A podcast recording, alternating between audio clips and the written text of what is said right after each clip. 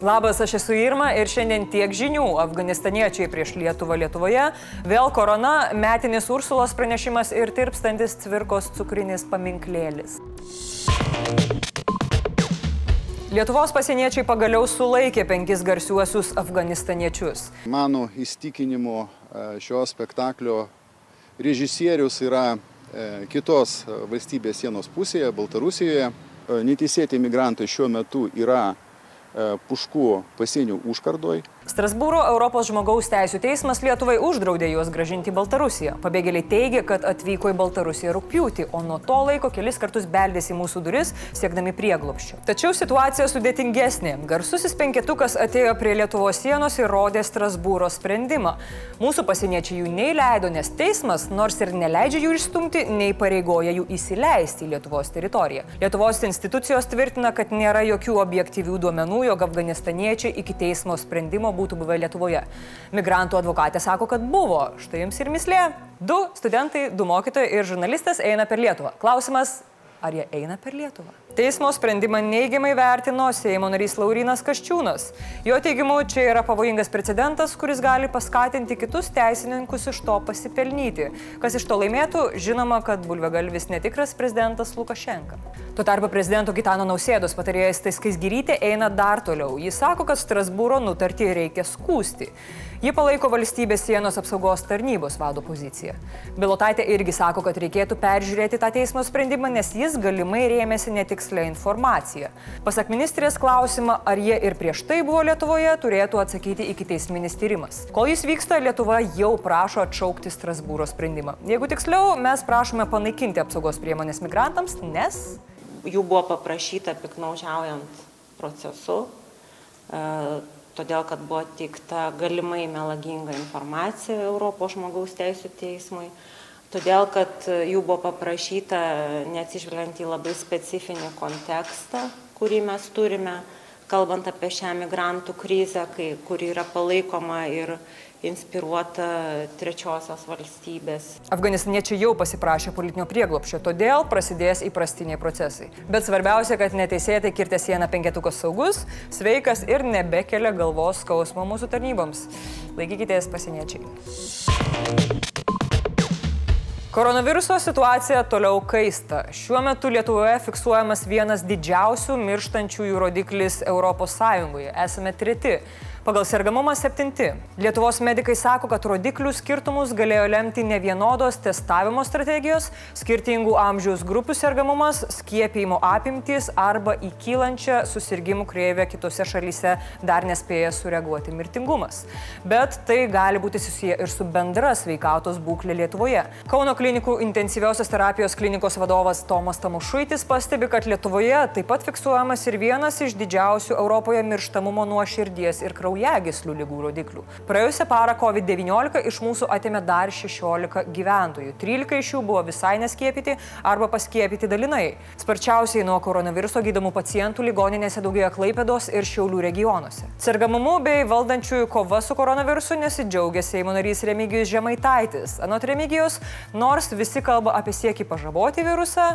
Praėjusią savaitę Vilniuje Filharmonijoje vyko Filharmonijos sezono atidarimas dalyvavo labai daug seimo narių dalyvavo komiteto pirmininkai visi išsipustę susivedė savo žmonas ir meilužes pasidemonstruoti ir parodyti kaip yra ne ne ne ne žemaitaitis nesupyko dėl to kad galbūt buvo nepakviestas klausom toliau Po šitos filharmonijos jau šiandieną yra 15 žmonių, kurio konstatuotas jiems COVID. -as. Žemaitėtis pasakojo ir apie situaciją Klaipėdoje. Vyko Klaipėdo jūro šventė. Aš buvau tas, kuris priesakiau, kada jūs uždrausit šitą šventę ir baigsit tyčytis iš žmonių. Klaipėdas mano regionas, po Klaipėdos jūro šventės praeis dviem savaitėm susidarė visos ligoninės, susidarė visi skyriai. Tada perėjo į sunkėją artileriją. Kaip čia gaunasi taip, kad jūsų ministerija, jūsų valdančioji dauguma, jūsų ministrai Seimo nariai trankos ir valkataujasi po visas šventės, sėkmingai dalindamėsi šito COVID ir su Delta atmaina. Ir pasiūlė kol kas uždrausti renginius ir šventes. Žemaitaitis nesustojo. Jūs man pasakykite, ar kas nors iš jūsų ministerijų logiką mokėsi universitete ar nesimokė? Aš manau, kad nesimokė. Tada užmetė dar. Panašu, kad ministerijoje sėdi va. Ir tada pirmininkaujantis Antanas Matulas turėjo sodinti žemaitaitį ant nusiraminimo kėdutės. Jūs darote renginį. Aš perspėju jūs. Ne, pirmininkis manęs neperspinėkit, nes aš, aš galiu kalbėti, nes aš papasakosiu, kas atsitiko Šilaliai. O kas nutiko Šilalėje, sužinosit pažiūrėję komiteto posėdį. Dėl renginių su Remigijumi sutinka sveikatos apsaugos ministerijos atstovė Loreta Šoklienė. Ji papasakojo ir tai, kad jeigu vasarą daugiau sirgo jaunimas, nes jiems namuose nesisėdi, tai dabar serga vyresni nei 50 metų žmonės. Puikus to pavyzdys - Petras Gražulis. Tai taip, jis susirgo koronavirusu, dabar tikriausiai turės dar daugiau snarglių, kuriuos galės palikti Seime. Ligoniukas atrodo štai taip. Kokios yra jūsų pajamos tenai tose programuose. Mes jums numatysime tiek, kiek jums O aš tik primenu, kad jeigu nenorit skiepytis ir jeigu nenorite, kad jūs saugotų nuo jūsų pačių ir nepadidinėtų jums sirgti ir mirti, pasaugokite bent jau kitus. Europos komisijos vadovė Ursula von der Leyen skaitė savo antrąjį metinį pranešimą. Pirmininkė pažymėjo, kad ES vieningai kovoja su COVID-19 krize ir žengia ir į klimato kaitos problemos sprendimą. Ji pabrėžė, kad jauni europiečiai rūpinasi tvaria ateitimi. Vadovė pristatė naują programą ALMA, kuri leis darbo ieškančiam jaunimui įgauti patirties kitose ES valstybėse bei užtikrins europietiško mentaliteto formavimą. 2022 žada skelbti Europos jaunimo metais. Von der Leyen pasidžiaugia, kad Europa yra tarp vakcinavimosi lyderių. Ji pabrėžė, jog dabar Europa turi skirti dėmesio pasaulio valstybių vakcinavimo tempui didinti ir pareiškė, jog sąjunga skirs milijardą eurų vakcinų Afrikai gamybai. Taip pat papildomus 200 milijonų vakcinos vienetų bus skirta kitoms šalims. Buvo ir įdomesnių dalykų. Pristatyta ES pasirengimo pandemijoms agentūra HERA. Labai sėkmingas pavadinimas, sakyčiau. Mhm. Buvo kalbama ir apie tai, kad ES toliau kovos su mokesčių vengimu ir palaikys JAV prezidento Joe Bideno inicijuotą pasaulinį pelno mokestį. Jie atkreipė dėmesį, kad pasaulis yra geopolitinio rungtyniavimo etape. Pergaliai pasiekti naudojamos visokiausios priemonės, o padėtis Afganistane yra vienas iš to simbolių. Tad Europa didins paramą Afganistanui. Kalbėta ir apie Europos saugumą, jo tobulinimą bei išsakytą kritiką Baltarusijai. Ursula Baltarusių mums siunčiamus migrantus pavadino hybridinė ataka ir pažadėjo, kad ir toliau mus palaikys. Atėjo laikas Europos migracijos tvarkymosi politikai. Žodžiu, daug kalbų, kažkiek naujo, kažkiek gal to paties ir kažin ar bus kažkokių veiksmų, ar tiesiog daug susirūpinimo. Vilniaus miesto savivaldybės taryba svarstė, ką daryti su sostinės centre esančiu rašytojo Petro Cvirkos paminklu - nukelti ar palikti. Konservatorė Kamilė Šeraitė pasiūlė rezoliuciją įpareigojančią savivaldybę nukelti aistras keliantį paminklą ir perduoti nacionaliniam muziejui. Taryba dėl sprendimo beveik vienbalsiai balsavo už. Su sovietais kolaboravęs kolegas skundėsi ir rašytojo karjeras žlugdęs Petras Cvirka nebestovės sostinės parke ir nebežiūrės laisvą Lietuvą. Viso gero, Petrai. Vicemeras Valdas Benkunskas džiaugiasi, kad geriau vėliau negu niekada. Pasak rezoliucijos autorės, praėjusią savaitę istorinės atminties komisija savivaldybei pateikė rekomendacijas nukelti paminklą. Tačiau taip pat aiškiai pasakė, kad prieš nukelimą būtina turėti aišku planą dėl paminklo ir skvero, kad skvere neiškiltų naujų namų kvartalas, o cvirka neatsidurtų grūto parke.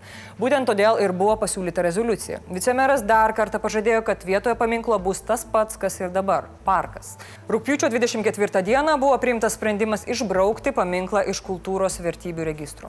Cvirkos paminklo nuvertimas buvo vienas iš valdančiųjų koalicijos pažadų. Įdomu, ką galėtume pastatyti vietoj Cvirkos, tarkim, paminklą sieną saugančiam pasieniečiui arba Akropolio apsauginiui tramdančiam celofaną bandantį atsimti akinius iš optikos. Ką galvojat jūs? Pasiūlykit komentarus. Blitz naujienos. Sveikatos apsaugos ministras Arūnas Dulkys laikinai nušalino visuomenės sveikatos priežiūros laboratorijos vadovą Daną Bakšą. Siekiame ištirti aplinkybės dėl galimų darbo sąlygų pažeidimų ir veiklos trūkumų. Vyriausybė patvirtino kelių eismo taisyklių pakeitimus, leisiančius skirti atskiras gatves dviračių eismui, ženklais riboti elektrinių paspirtukų eismą ir specialiajam transportui sudaryti eismo koridorių gatvės centre. Daugiau apie pakeitimus žiūrėkite vakarykštėse žiniuose. Dalis pakeitimų įsigalios nuo kitų kitų metų sausio, dalis nuo birželio. Ta pačia diena balistinės raketas išbandė abi Korejos. Šiaurės Koreja į Japonijos jūrą paleido dvi balistinės raketas, Pietų Koreja sėkmingai išbandė iš povandeninio laivo paleistą balistinę raketą.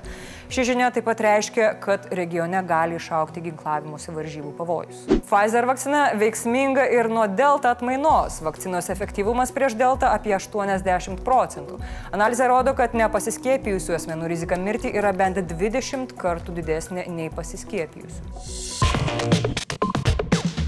Nepamirškit komentuoti, ką turėtume pastatyti vietoj Petro Cvirkos. Ir taip pat klausimas, jūs irgi turit naminį gyvūną, kuris amžinai skundžiasi, kad per mažai gauna ėsti ir prašinėja dar.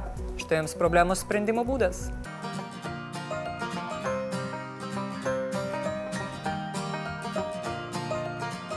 Šiandien tiek, iki rytojaus ir tiek žinių.